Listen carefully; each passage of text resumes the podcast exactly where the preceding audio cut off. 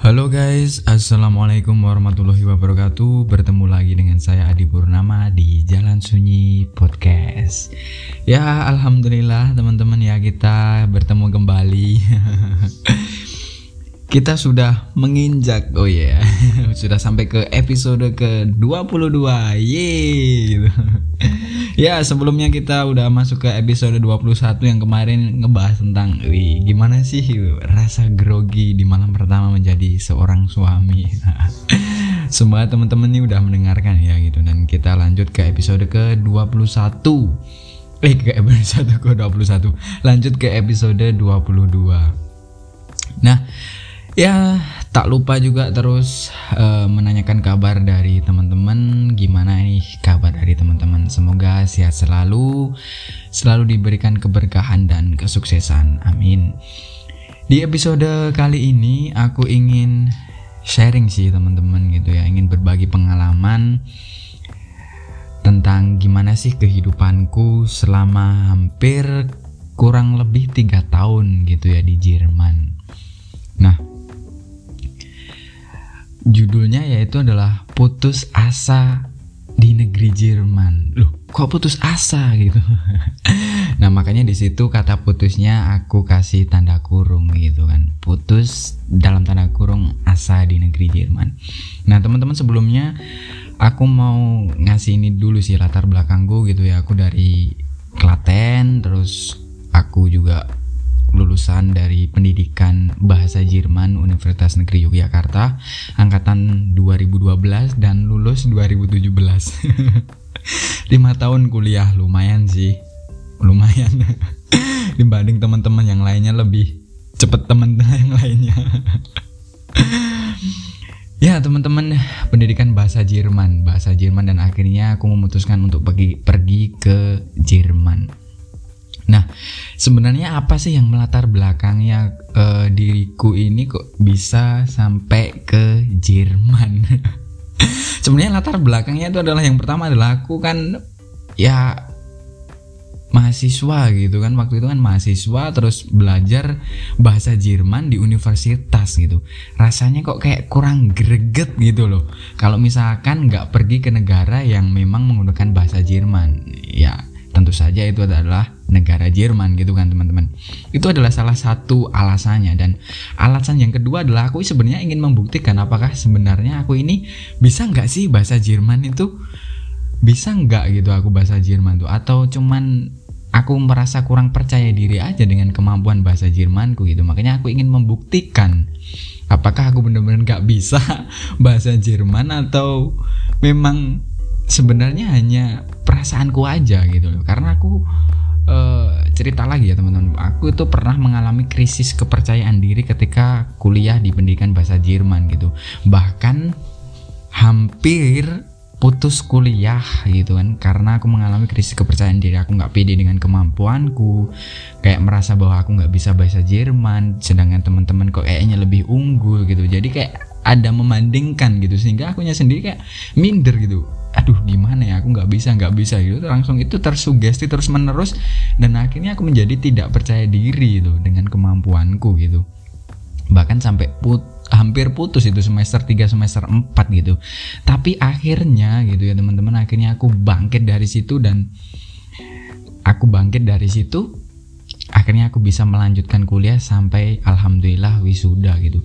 Banyak dorongan dari teman-teman dari keluarga bahkan dari dosen gitu kan. Dorongan-dorongan motivasi dari mereka yang menguatkan diriku untuk bisa melanjutkan kuliah sampai akhirnya menjadi seorang sarjana gitu sih.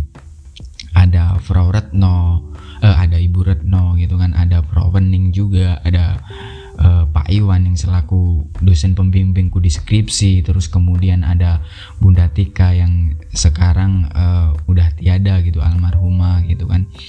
Beliau-beliau ini dan dosen-dosen yang lain ini memberikan dampak yang luar biasa sebenarnya ada pengaruhnya sehingga aku bisa menyelesaikan. Ya tentu saja aku mengucapkan banyak terima kasih terhadap guru dan juga dosenku gitu kan ada teman-teman juga temanku sahabat-sahabat embun pagi gitu yang memberikan motivasinya semangatnya gitu juga uh, di situ kan. Kemudian orang tua gitu karena aku nggak ingin mengecewakan orang tua aku nggak ingin membuat orang tuaku uh, menangis gitu ya gitu sih sebenarnya. Karena waktu itu orang tua aku begitu bangga sekali ketika aku bisa diterima di Universitas Negeri Yogyakarta gitu. Universitas Negeri gitu loh dan itu UNY gitu. Luar biasa sih sebenarnya. Waktu itu orang tuaku sangat senang sekali bangga sekali karena waktu itu aku melihat informasi penerimaan itu di warnet waktu itu malam-malam sekitar jam 12 malam di warnet gitu dan beliau langsung memeluk erat. Alhamdulillah akhirnya diterima gitu. Dan seakan kayak uh, kalau misalkan aku putus kuliah kayak seakan uh, melukai hati dan perasaan orang tua kalau aku nggak bisa menyelesaikan kuliah itu gitu. Tapi akhirnya alhamdulillah bisa bangkit dan menyelesaikan dan alhamdulillah kedua orang tua akhirnya juga bangga dan mampu hadir di uh, waktu itu di GOR gitu kan UNJ gitu menyaksikan putranya di wisuda waktu itu. Nah, balik lagi gitu deh tentang keputusanku lan, uh, untuk pe pergi ke Jerman gitu. Dan itu tadi ada dua alasan, ada dua alasan dan kemudian ada alasan yang berikutnya itu sebenarnya uh, ingin keluar dari apa ya zona zona yang gini-gini aja gitu loh. Pengennya itu pengen pengen cari tantangan pengen cari ilmu gitu. Aku pamit dengan orang tua. Aku sebenarnya bukan bukan membawa bekal atau ilmu dari Indonesia kemudian aku bawa ke sini gitu. Tapi aku justru di sini itu aku menimba ilmu gitu. Aku mencari ilmu pada akhirnya aku mendapatkan bekal dari Jerman dan aku bawa pulang ke Indonesia gitu. Tapi perjalanan di Jerman sangatlah tidak mudah teman-teman. Perjalanan di Jerman itu sangat tidak mudah.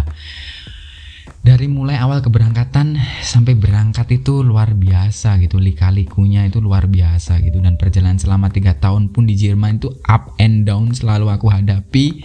Suka dukanya juga aku hadapi gitu gitu sih.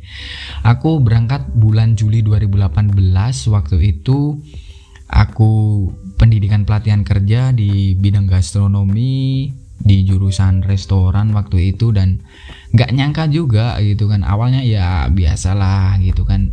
Kita masih harus adaptasi dengan lingkungan dengan bahasa dan dengan budaya Jerman yang tentu saja berbeda dengan budaya yang ada di Indonesia. Itu perlu penyesuaian dan adaptasi gitu. Nah problem muncul nih problem muncul. Ketika lima bulan berada di Jerman gitu ya teman-teman. Lima bulan berada di Jerman mengalami kendala gitu ya itu adalah tepat di bulan November uh, November Desember itu mengalami penunggakan gaji kemudian gaji yang dicicil gitu ya. Gaji yang dikredit gitu loh. Nggak tahu kayak barang elektronik aja kita ini dikredit. Padahal kita manusia loh. Dikredit aduh dicicil gitu gaji dicicil gitu. Nggak nyangka juga sih. Dan itu berlangsung nggak cuma sebulan dua bulan bahkan sampai bulan Maret gitu. Waktu itu kan 2018 ya November Desember 2018 kemudian Januari Februari Maret 2019 gitu. Bahkan penunggakan gaji itu pernah terjadi dua bulan gitu. Gaji yang seharusnya bulan Januari itu dibayarkan pada awal uh, Februari tapi gaji itu dibayarkan pada bulan Maret gitu dibayarkan secara penuh di bulan Maret itu luar biasa teman-teman. Padahal kita butuh penghidupan di sini, butuh makan, kita juga butuh uang mungkin untuk dikirim ke Indonesia gitu. Kita juga butuh untuk menabung gitu. Tapi ternyata kendala itu kita dapatkan luar biasa gitu. Nah, ini sebenarnya adalah pembelajaran juga sih buat aku dan mungkin teman-teman yang ada di Indonesia yang mungkin ingin pergi ke Jerman gitu loh biar kita juga bisa ambil pelajaran ini. Nggak apa yang kita lihat di Indonesia bahwa negara Jerman itu mungkin wah enaknya aja senangnya aja. Enggak teman-teman. Pasti juga ada nggak enaknya ada uh, kekurangannya mungkin ada gitu kan. Tapi nggak semua. Kalau dibilang bagus ada kok. Ada juga uh, apa namanya tempat-tempat yang bagus kemudian ada aspek-aspek yang bagus pasti Jerman memiliki itu karena memiliki keunggulan secara teknologi modern juga gitu kan. Tapi juga ada aspek-aspek yang mungkin kita bisa bilang kurang baik ada pasti kan ada kekurangan dan ada kelebihan gitu. Tapi kadang-kadang kita yang ada di Indonesia itu selalu memikir bahwa di sini tuh enak gitu wah di sana enak di sini enak gitu kan. Kalau kita sedang ada di Indonesia mereka seperti itu. Tapi enggak juga gitu. Realita yang terjadi adalah seperti yang aku alami gitu kan. Dan di situ mengalami kendala terkait dengan keuangan kemudian kendala juga dengan lembur gitu. Lembur bahkan pernah sampai 15 jam 16 jam kerja jam 10 pagi pulang jam 2 malam 3 malam luar biasa gitu. Padahal itu kita harusnya kerja itu kan ada ada peraturannya 8 jam. Terus kemudian lembur itu juga ada aturannya gitu kan. Harus digantikan dengan uang atau mungkin digantikan dengan hari libur gitu. Dan itu pun pernah digantikan juga tapi itu nggak cukup gitu. Yang harusnya kita katakanlah kita punya lembur 10 jam katakan demikian ya. Dan itu harus segera juga diganti dengan hari libur gitu. Ya digantinya 10 jam libur gitu kan. Berarti satu hari plus nanti hari berikutnya kan harusnya kerja 8 jam jadi 6 jam mungkin seperti itu kan. Nah tapi itu meskipun diganti kita tetap punya sisa lembur gitu sisa jam lembur yang masih surplus surplus terus tambah tambah terus. Ini luar biasa sih. Padahal kita sebagai manusia ini juga butuh istirahat butuh tenaga gitu loh butuh apa ya asupan energi lagi untuk bisa bekerja di di, di hari esok gitu loh. Tapi ini tekanan itu terus gitu loh. Nggak cuma tekanan batin tapi juga tekanan apa ya pikiran juga tenaga juga gitu. Nah akhirnya dengan hak-hak yang apa ya hak-hak yang tidak diberikan dengan baik oleh pemilik resto kepada kita akhirnya ya aku memutuskan untuk keluar dari tempat tersebut karena hak-hak kita serasa kayak dikebiri gitu loh. Harusnya kita mendapatkan hak yang layak karena di situ ada peraturan tapi kita nggak dapat itu gitu. Ya udah akhirnya pindah kita konsultasi sama pihak sekolahan terus kemudian konsultasi sama pihak konsultan khusus dengan eh, anak-anak uh, muda gitu kan akhirnya kita dapat bantuan di situ kita dapat solusi kita akan dipindahkan kita akan diberikan prosedur-prosedur yang tentu saja legal. Karena kan kita sebagai warga negara asing di sini kan punya aturan yang khusus aturan tersendiri untuk warga negara asing gimana tinggal di sini gimana bekerja di sini gimana sekolah di sini gitu kan. Nah makanya biar biar nanti ke depannya nggak bermasalah juga gitu. Dan aku pun juga di sini mengambil keputusan ini agar supaya ke depannya nanti nggak akan terjadi sebuah masalah gitu. Jadi aku memikirkan nggak cuma selangkah dua langkah tapi langkah yang jauh gitu. Nggak cuma lari sprint 100 meter tapi lari maraton gitu loh. Harus dipikirkan secara maraton itu. Jangka panjangnya harus dipikirkan. Biar nanti ke depannya nggak masalah. Makanya aku mengambil prosedur yang memang legal prosedur yang memang sesuai gitu. Dan makanya aku menghubungi pihak-pihak terkait instansi-instansi terkait yang ada di Jerman gitu. Dengan pro, uh, dengan kendala-kendala yang aku dapatkan kayak gitu kan. Nah uh, selain itu juga sebenarnya waktu itu mulai bulan Maret uh, bulan April April 2019 sampai mungkin bulan-bulan sebelum Oktober ya Agustus gitu September itu normal gajinya itu masih normal normal tapi lemburnya ini tambah luar biasa gitu. Karena di situ memang nggak ada pegawai kecuali para pemagang dan kedua pemilik resto gitu suami istri gitu kan. Nah tapi ya mau gimana lagi gitu. Kita mau pindah juga bingung gitu kan. Nah akhirnya ya aku memutuskan pindah karena sudah ada jalan yang pasti jalan yang memang sudah aku konsultasikan kepada pihak-pihak yang terkait gitu kan. Nah dari situ luar biasa sih tanggal 15 Oktober aku ngajuin surat pengunduran diri. Nggak disangka sih. Mengajukan surat pengunduran diri wow kaget di situ di situ ada ancaman yang luar biasa dari pemilik resto bahwa kita akan dilaporkan ke pihak imigrasi bahwasanya kita nanti akan ilegal kita nggak punya rumah kita akan ditangkap sama polisi kita akan tidur di mana nggak jelas gitu kan. Diancam terus menerus dan kita diancam bahwa kita nggak akan bisa pindah gitu. Terutama aku kan karena yang memutuskan pindah kan aku sama temanku satu orang gitu. Waktu itu kita berlima tapi hanya dua yang memutuskan untuk untuk keluar dari situ gitu. Nah ya udah dari situ udah tanggal 15 kita mutusin mereka ngancem seperti itu mereka nggak terima. Nah tanggal 16 nya diusir dari rumah. Luar biasa tanggal 16 Oktober 2019 diusir dari rumah tersebut karena kan kita memang disediakan rumah untuk tinggal kan selama kita magang di situ gitu. Nah, kita diusir waktu itu aku diusir dari rumah diberi tenggang waktu sampai pukul 6 sore bingung bingung luar biasa. Ini harus ke mana? Nggak punya rumah nggak punya uang. Waduh gimana ini? Gimana ini? Bingung bingung. Akhirnya di situ ada temanku di situ namanya sih ini ya Daniel gitu. Namanya Daniel terus dia juga punya teman namanya Bobby gitu. Terus kemudian dia ngasih kontak aku disuruh uh, numpang di sana. Ya udah akhirnya numpang di tempat Bobby gitu. Alhamdulillah banget ketemu dengan teman gitu kan teman baru yang sebelumnya nggak kenal sih sebenarnya. Akhirnya dikenalkan gitu. Tinggal satu bulan numpang di tempat orang gitu. Numpang mandi numpang makan numpang nyuci numpang tidur gitu. Satu bulan di situ luar biasa. Dan kalau teman-teman tahu itu gaji September Oktober 2019 itu nggak dibayar. Selama dua bulan nggak gaji nggak dibayar. Padahal aku juga butuh untuk makan, butuh untuk makan, butuh untuk kehidupan di Jerman itu gimana gitu. Dan aku nggak punya rumah di situ dan harus numpang ke tempatnya Bobby. Wow, gokil sih itu sih pengalaman yang luar biasa sampai segitunya. Karena ini di negeri orang bingung gitu. Hampir hampir putus asa gitu. Hampir putus asa gitu. Kenapa aku hampir putus asa? Karena aduh ya udahlah mending pulang aja gitu. Tapi waktu itu ketika bilang ke orang tua pak mending aku pulang aja pak. Kalau kayak gini gimana? Ini bingung. Karena itu bener-bener bingung harus mau ke mana gitu. Mau cari solusi juga bingung mentok sana sini gitu kan. Mau pulang juga gimana gitu. Wah ya kalau pulang gimana di? Kalau pulang ya nanti aku yang malu. Ya ya bener juga sih. Karena apa? Karena waktu itu ketika aku berangkat ke Jerman aku ber pamitan uh, uh, pamit kepada orang tua aku ingin menempuh pendidikan pelatihan kerja selama tiga tahun dan setelah itu pulang ke Indonesia gitu masa sampai sini nggak aku selesaikan gitu? Justru kalau aku pulang aku malah menambah masalah gitu.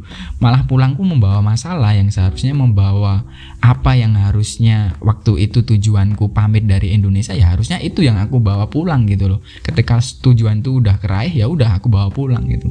Jadi nggak berhenti di tengah jalan. Karena aku juga nggak pengen bikin diriku malu bikin orang tua juga malu gitu. Karena ya itu tadi balik lagi bahwa aku udah pamitan ke orang tua ya udah ini selesaikan gitu. Dan aku juga inget banget apa kata dari temanku adalah apa yang telah kamu uh, mulai ya harus kamu akhiri gitu. Ya makanya dari itu ini pendidikan pelatihan kerja udah aku mulai ya ini harus aku selesaikan gitu. Nah dari situ aku nggak ingin bikin kecewa orang tua aku harus bertahan di sini aku harus bangkit di sini. Akhirnya ya udah menemukan solusi.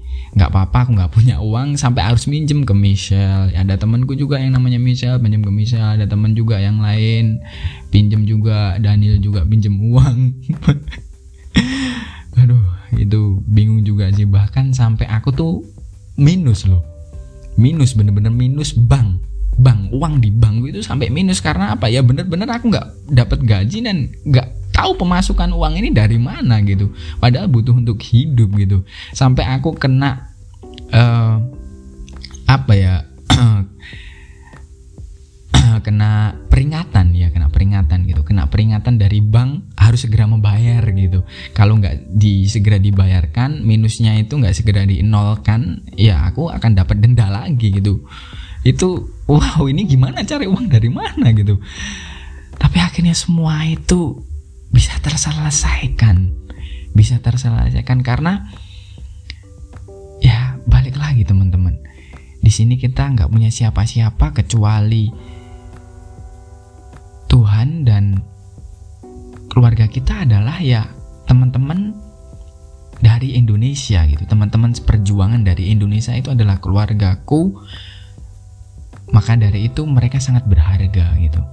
Dan aku percaya bahwa Tuhan nanti akan menolong gitu. Aku yakin pasti akan ada pertolongan dari Tuhan. Apa pun nanti pasti. Karena aku yakin nggak mungkin enggak gitu. Pasti Tuhan akan memberikan pertolongan gitu. Akan memberikan jalannya gitu. Tinggal tinggal nanti kita mau menempuh apa enggak gitu. Tapi akhirnya benar-benar semua terselesaikan. Yang akhirnya tadi hampir putus asa, akhirnya menemukan asa di negeri Jerman dan akhirnya aku bisa bangkit dari keterpurukan itu dari lika-liku itu gitu loh. Akhirnya aku bisa menemukan rumah bisa dapat rumah terus kemudian aku juga bisa dapat uh, tempat magang baru di hotel gitu dan alhamdulillahnya juga hak-hak kita dipenuhi dengan baik gaji juga dibayarkan dengan tepat waktu gitu. Ya aku sih tentu berterima kasih ya kepada orang-orang yang mungkin udah bener-bener bantu aku sampai titik seperti itu karena aku nggak tahu lagi mau ke mana waktu itu gitu kan. Bener-bener pengalaman yang nggak mungkin bisa dilupakan sih ini sih. Itu sih pengalaman yang nggak mungkin bisa dilupakan karena ini bener-bener di negara Jerman di negara rantau di negara yang memang bukan tempat kelahiranku gitu kan.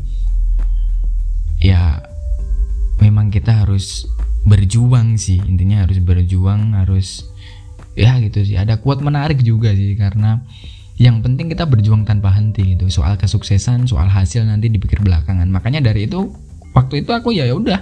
Yang penting berjuang aja yang penting jalan aja. Pokoknya lewati lewati lewati gitu aja lah. Jalani terus gitu. Dan akhirnya apa? Ya hasilnya ya sesuai dengan apa yang aku perjuangkan gitu dan itu memang hasilnya nggak akan mengkhianati proses sih. Ya itu sih.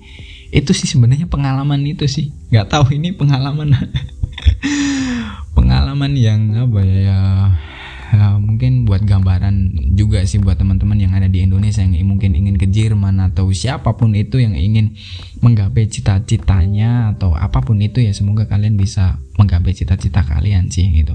Dan mungkin ya kita pokoknya kalau punya harapan, punya ekspektasi itu jangan terlalu tinggi karena takutnya apa yang kita ekspektasikan, apa yang kita harapkan itu nggak sesuai dengan kenyataan dan yang terjadi gitu. Karena ketika ekspektasi dan harapan kita terlalu tinggi dan yang terjadi itu nggak sesuai, kita malah justru drop, kita down, kita malah justru depresi, kita malah justru menyalahkan diri sendiri gitu sih. Itu sih makanya dari itu kita harus benar-benar menguatkan mental sih. Menguatkan mental. Karena mental itu adalah yang terpenting mau di mana pun kita gitu. Karena kita kan nggak tahu gitu. Kalau mental kita sudah kuat insya Allah sih di mana pun itu kemudian tekanan seperti apa pun insya Allah akan kuat gitu. Dan kita juga harus bersandar kepada Tuhan. Kita juga harus minta pertolongan gitu kan. Karena kita ini emang ya manusia biasa manusia lemah gitu. Tanpa pertolongan Tuhan kita bisa apa gitu.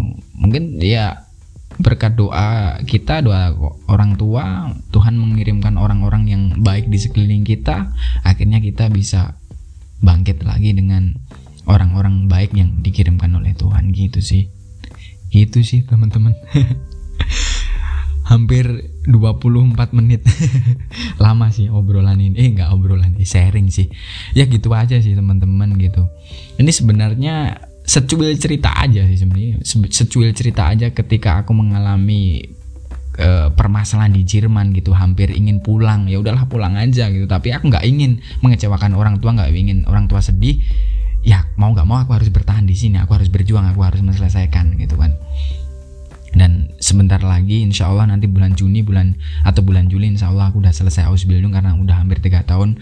Semoga nanti ujian nanti minta doanya untuk teman-teman biar aku bisa lulus amin gitu ya. Dan pulang membawa bekal yang akhirnya bisa bermanfaat untuk orang-orang sekitar untuk keluarga dan untuk lingkungan yang lebih luas lagi itu sih dan balik lagi aku ucapin terima kasih buat teman-temanku yang udah membantu aku. Siapa pun itu yang udah aku sebutin tadi juga mungkin siapa yang belum aku sebutin.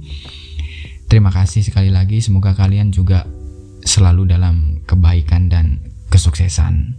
Mungkin sekian aja sih episode dari podcast kali ini di Jalan Sunyi Podcast di episode ke-22 sampai jumpa di episode berikutnya.